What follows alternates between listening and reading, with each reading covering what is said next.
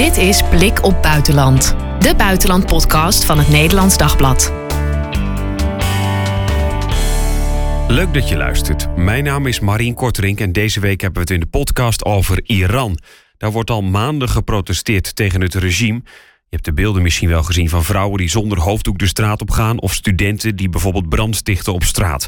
Ze demonstreren op allerlei manieren voor meer vrijheid. Wat speelt er in Iran? Ik bespreek het vandaag met Jan van Bentem van de Buitenlandredactie. Goed dat je er bent, Jan. Dankjewel. Voordat we het echt over het nieuws van de afgelopen weken hebben, misschien wel goed om eerst een schets van dat land te maken. Dan leren we ook wat van de achtergronden van deze protesten. Iran, wat is het voor land? Ja, prachtig land. Het oude Perzië. Geweldige cultuur, schitterende plekken ook. Uh, ook bijbelse plekken. We kennen het uit de Bijbel ook, hè? Ja, profeet Daniel, die uh, daar dan een van de opperste bestuurders van het Rijk is geweest. Die ligt daar na verluid begraven. Hè. Dat is een graf van Daniel.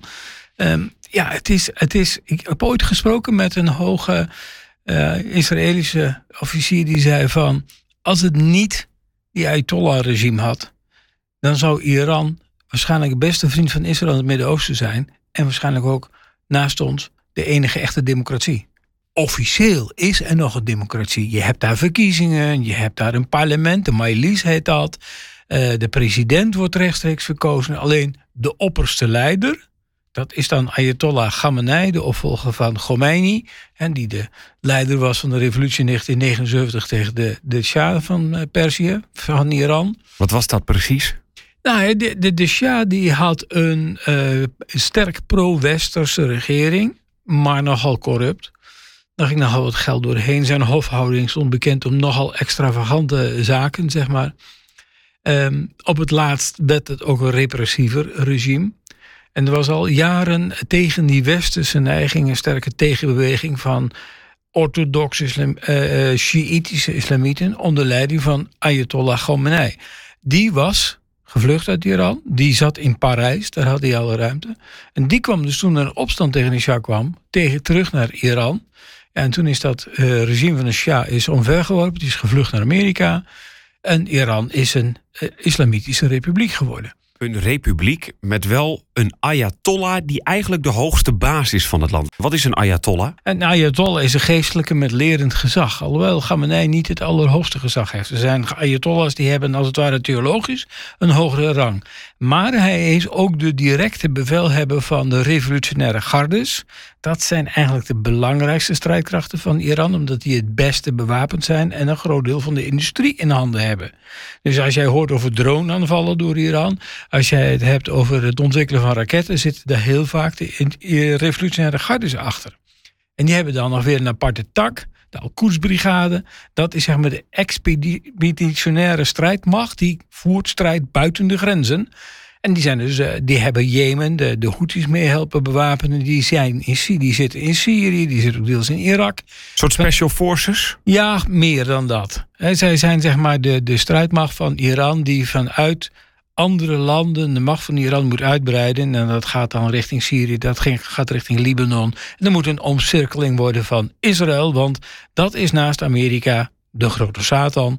Is Israël de andere Satan, het Zionistische regime, de Zionistische entiteit, zoals ze het dan noemen. Sommigen kunnen de, naam Israël gewoon niet door hun keel krijgen.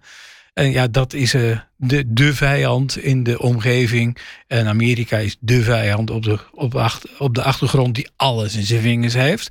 Hoewel sommige Iraanse parlementariërs ook wel juist zeggen dat Israël Amerika in zijn vingers heeft. Ja. Ik weet net hoe je het, uh, wie je leest, maar die twee, dat is dus een conctie die tegen de Islamitische Republiek zijn. Uh, zij zijn vooral Shiïtisch, hè? Ja, ze zijn Shiïtisch. Uh, daarmee onderscheiden ze zich van de meerderheid van de moslims. Die zijn Soenitisch. De meerderheid van de Arabische landen zijn ook Soenitisch. Dus daar heb je ook al een brokje vijandschap. Ja, want hoe is en het zijn geen Arabieren natuurlijk. Hè. Het zijn Persen. Het zijn, uh, ze, ze, spreken Farsi, een heel andere taal. Ze hebben een ander schrift. Gaan we nu naar het nieuws van afgelopen weken. Ja. Want ik denk dat veel mensen weten wat er gebeurd is. Vrouwen de straat op zonder hoofddoeken. 60 dagen, al dik 60 dagen. Ja. Twee maanden wij wonen niet in een land waar de, de hoofddoeken eigenlijk verplicht zijn. Uh, Wat betekent dat in zo'n land? Als, als aan het begin van die 60 dagen geleden, zeg maar, de eerste vrouwen zonder hoofddoek de straat. Nou ja, je hebt natuurlijk dat, eh, de, dat iemand, een jong meisje, uh, Amini, werd ge, dus gearresteerd omdat ze haar hoofddoek niet zedig genoeg zou dragen. Nou, die arrestatie is heel hardhandig verlopen. En daarna is ze in een politiebureau overleden. Dat is de, De aanzet, de aanzet voor deze demonstraties. Waarbij dus vrouwen ook hun hoofddoek helemaal afdeden. Ehm, als, als een soort volgeling van Massa Amini. Van ja, wij, wij, hè, wij willen ook vrij zijn.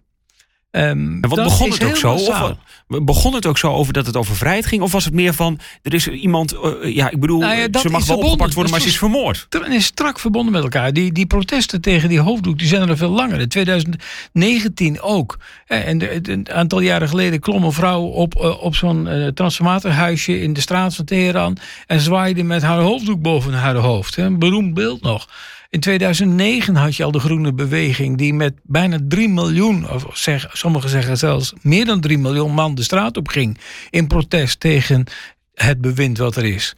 Eh, dat is Ook- allemaal knalhard onderdrukt. Die protesten van november 2019, nu drie jaar geleden, wordt in Iran, in, onder de Iraanse dissident, ik sprak er nog eentje deze week, die zegt: ja, dat is bloedige november in, eh, in onze herinnering. Ook Amnesty zegt, er zijn toen waarschijnlijk 1500 mensen vermoord door het regime. Nou, is die Amini eh, dus de eerste eigenlijk? Eh, en, en toen kwamen, eh, kwamen mensen de straat op. Hoe is dat verder geëvolueerd? Nou, die protesten. de- Er werd bijvoorbeeld bij de begrafenis van, van de mini werd er geschoten op deelnemers aan die begrafenis. Nou, dat leidde tot nieuwe protesten. Dat is, en het, het paste al in een cultuur van protesten die er al waren. Leraren demonstreerden tegen eh, strenge maatregelen, maar ook een slechte salaris. Taxichauffeurs, medewerkers in de olieindustrie. eh, allerlei groepen waren al aan het demonstreren. Eh, de demonstraties die er nu zijn, zijn, daaraan, zijn daar een uitbreiding van. En hebben een heel duidelijk doel. Namelijk, wij willen die onderdrukkende regels niet meer. We willen het liefst ook een ander regime. En die zijn nu in laatste telling eh, in totaal al in zeker 220 steden geweest. Aan de andere kant, het regime arresteert bij duizenden mensen die zij zijn, zien als belangrijke deelnemers aan de demonstraties, maar dat is ook volstrekt willekeurig. Het cijfer dat ik hoorde begin deze week is dat er nu al eh, 15.800 mensen in de gevangenis zouden zitten. Daarvan worden er binnenkort 2000 berecht. Afgelopen zondag is de eerste uitspraak geweest over zes mensen. En daarvan is er één ter dood veroordeeld wegens ehm, geweld tegen God. En Dat is een term die daarvoor is gebruikt. En dat is dus het afdoen van de hoekdoek. Dat, nou, nee, maar dat is het deelnemen aan protesten. En Oh, die, ja, die- ja. Deze man zou in concreto dan volgens het vonnis Mogharibi hebben bedreven. Geweld tegen God. Door eh, brand te stichten bij een eh, regeringsgebouw in Teheran. Ehm, Heeft hij of zij dat ook gedaan? dat weten we niet precies. Eh, bekentenissen, zegt Amnesty bijvoorbeeld, worden vaak eh, door marteling afgedwongen. Er zijn, eh, de- je hebt twee jaar geleden die executie gehad van die beroemde worstelaar. Die ook aan de demonstraties had meegedaan. Nou, die had dan bekend dat hij inderdaad was opgezet van buitenaf. En ook de buitenlandse machten, et cetera, et cetera. Dat heeft hij later herroepen. Hij zegt dat dat was door marteling afgedwongen. Hij is desondanks, ondanks veel internationaal protest, wel opgehangen. Waarom kiest eh, de huidige regering ervoor om, om dit zo aan te pakken? Dit is hun manier. Vanaf het allereerste begin. Je hebt ook in de ja, eind jaren 80, 1988, eh, hebben zij bijvoorbeeld eh, het verzet aangepakt. Hè, wat wij kennen als de Nationale Raad, Raad van Verzet. Die zit nu in Parijs, hebben ze een eh, hoofdkwartier. Ehm, daar zijn toen duizenden van vermoord. Ook ter dood veroordeeld. En de huidige president Raisi was een van degenen die toen ook rechter die die bekrachtigde.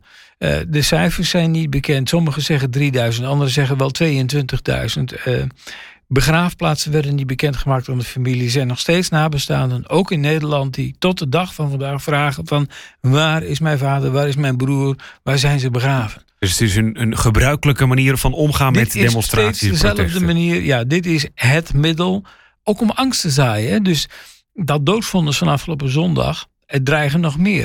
Er is al een groep experts geweest van de Verenigde Naties, die zag het aankomen. Die hebben afgelopen vrijdag eh, een oproep gedaan aan Iran, maar ook aan de internationale gemeenschap. Zorg ervoor dat er geen doodvonnissen komen. Dat kun je niet doen voor deze burgerdemonstraties. Dit zijn geweldloze protesten. Die wisten dus wel wat er in de maak was, gezien de aanklachten. En die aanklachten, daar zit dus die, die, die term in, mugarebe. Geweld tegen God, opstand tegen God. Opstand uh, en, en wat dan heet uh, uh, opruiing en moedwillige vernieling, vernieling. Dat is de andere term die er ook bij wordt gebruikt. Die beiden, als je die, die elk is goed voor de doodstraf. En als je die allebei als, als beschuldiging tegen je krijgt, dan is er bijna geen andere uitspraak ja. denkbaar op dit moment. Werkt het eigenlijk, deze manier van opstanden en protesten neerslaan? Nou ja, uh, het is het beproefde middel geweest in de afgelopen jaren. Dit regime zit er natuurlijk al een tijdje, mm -hmm. hè, vanaf 79. Dus dat heeft al uh, dik 40 jaar het op deze manier weten vol te houden. En zeker de afgelopen jaren heb je bijna ieder jaar opstanden. Het is een voortdurend protest. Of door droogte hebben we ook gehad de afgelopen jaren. Door slecht wanbeleid, economisch wanbeleid, you name it. Uh, dus Iran gaat best wel vaak de straat op. Maar de doodstraf is het middel om je bevolking te terroriseren. Om angst te zaaien en ervoor te zorgen dat ze uiteindelijk toch van de straat gaan. Ja. En dat houdt het regime ook lang vol. Zij hij dat, en dat is nu het aparte, je hebt dus in het parlement een oproep gehad uh, om zo hard mogelijk te straffen. Die oproep die was uh, een dikke week geleden. 227 leden van de 290 van het parlement hebben die oproep ondertekend. Die is ook op Iraanse websites, uh, regeringswebsites verschenen. Ik heb hem hier voor me liggen van IRNA, de letterlijke tekst.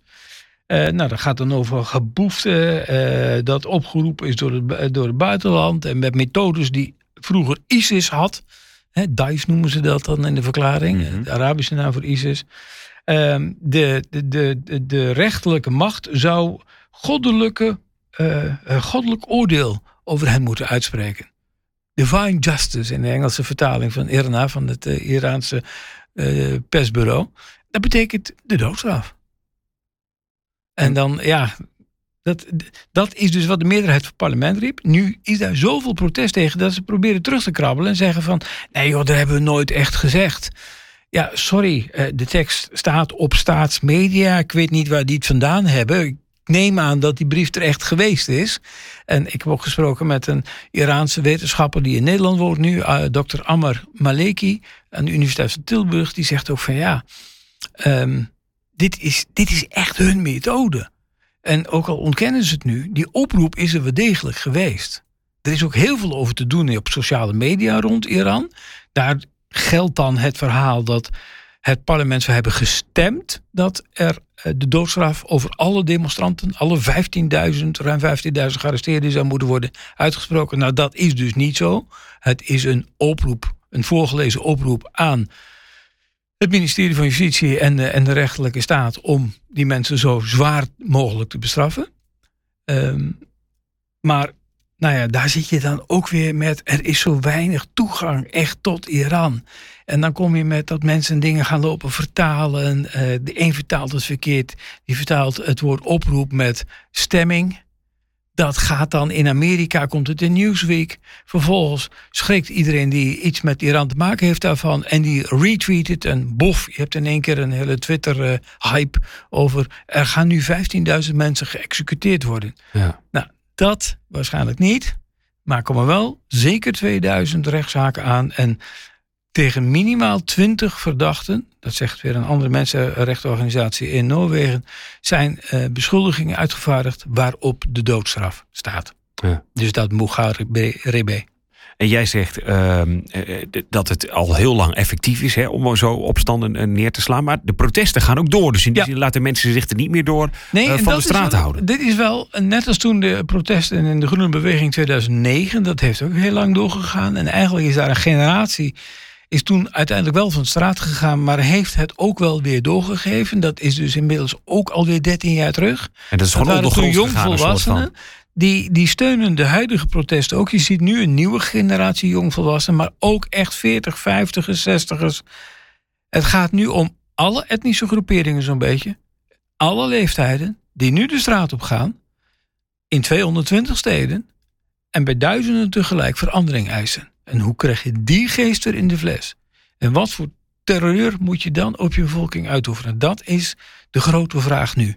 Ja, en wat ik in die zin intrigerend vind, is uh, hoe, hoe, hoe, gaan ze dan uiteindelijk mee om? Want uh, weten zij hoeveel mensen dat uiteindelijk steunen? Want uh, nee. hoe zijn die verhoudingen in het land? Nee, maar je ziet, nou ja, daar proberen westerse regeringen achter te komen. Op dit moment weet je daar niet echt nee. genoeg over om het echt te zeggen.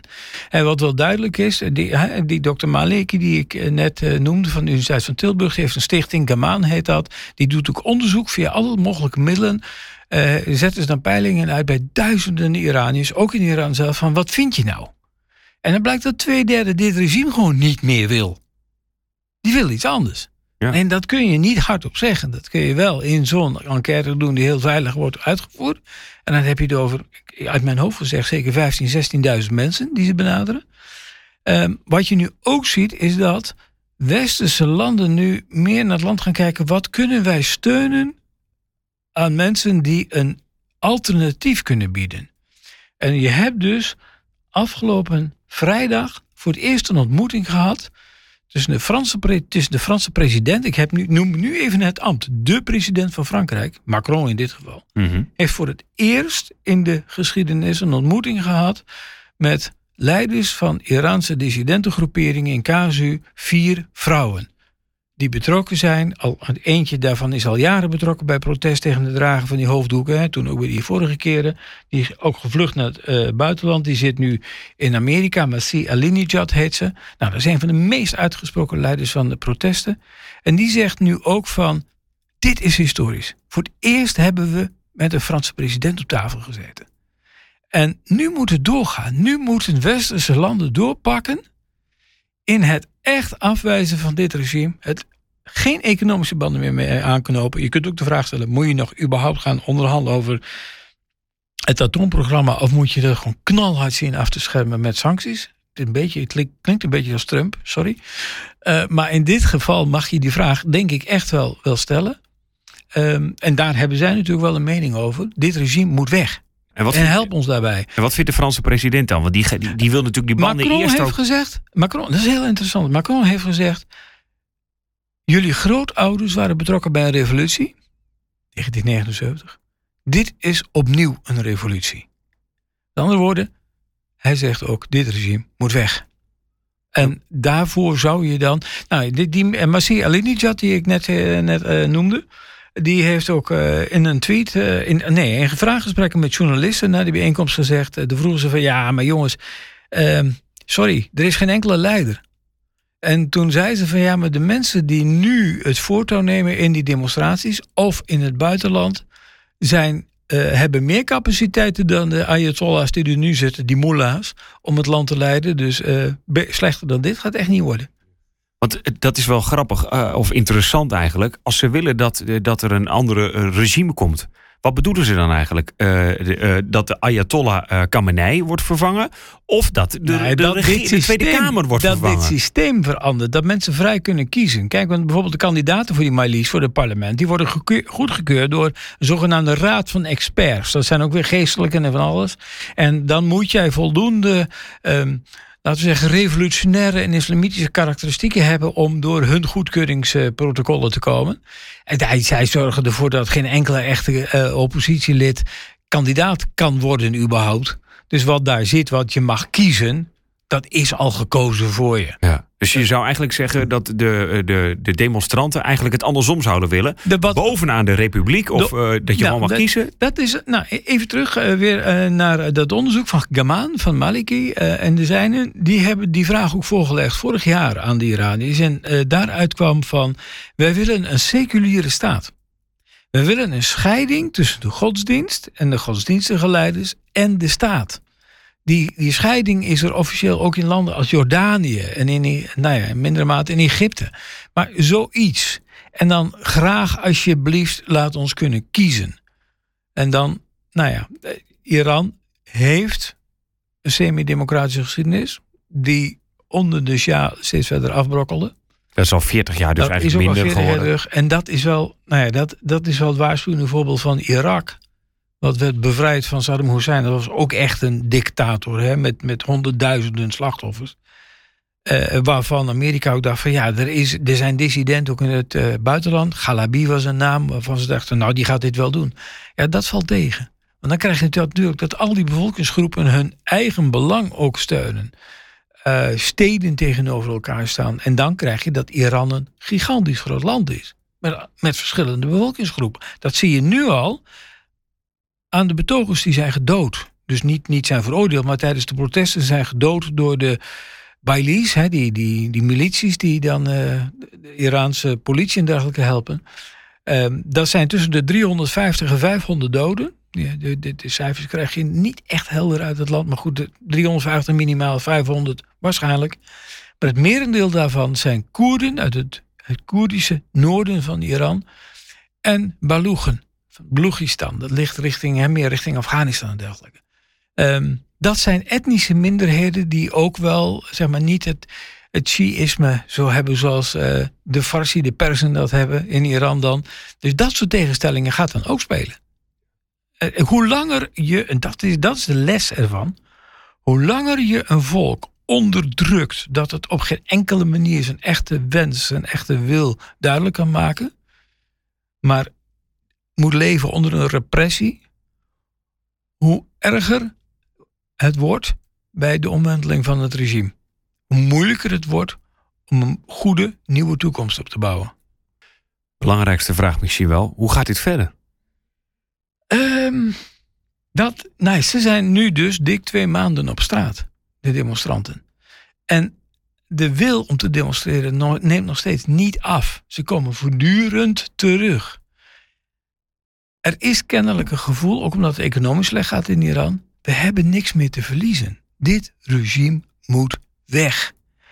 En je krijgt die geest alleen maar in de fles ja, door terreur. Dus dan heb je een terreurgroep, de Ayatollahs. Maar die gaan ook met niet stoppen? Nee, met een revolutionaire garde die een bevolking onder de duim houdt. En hoe lang gaat dat dan duren?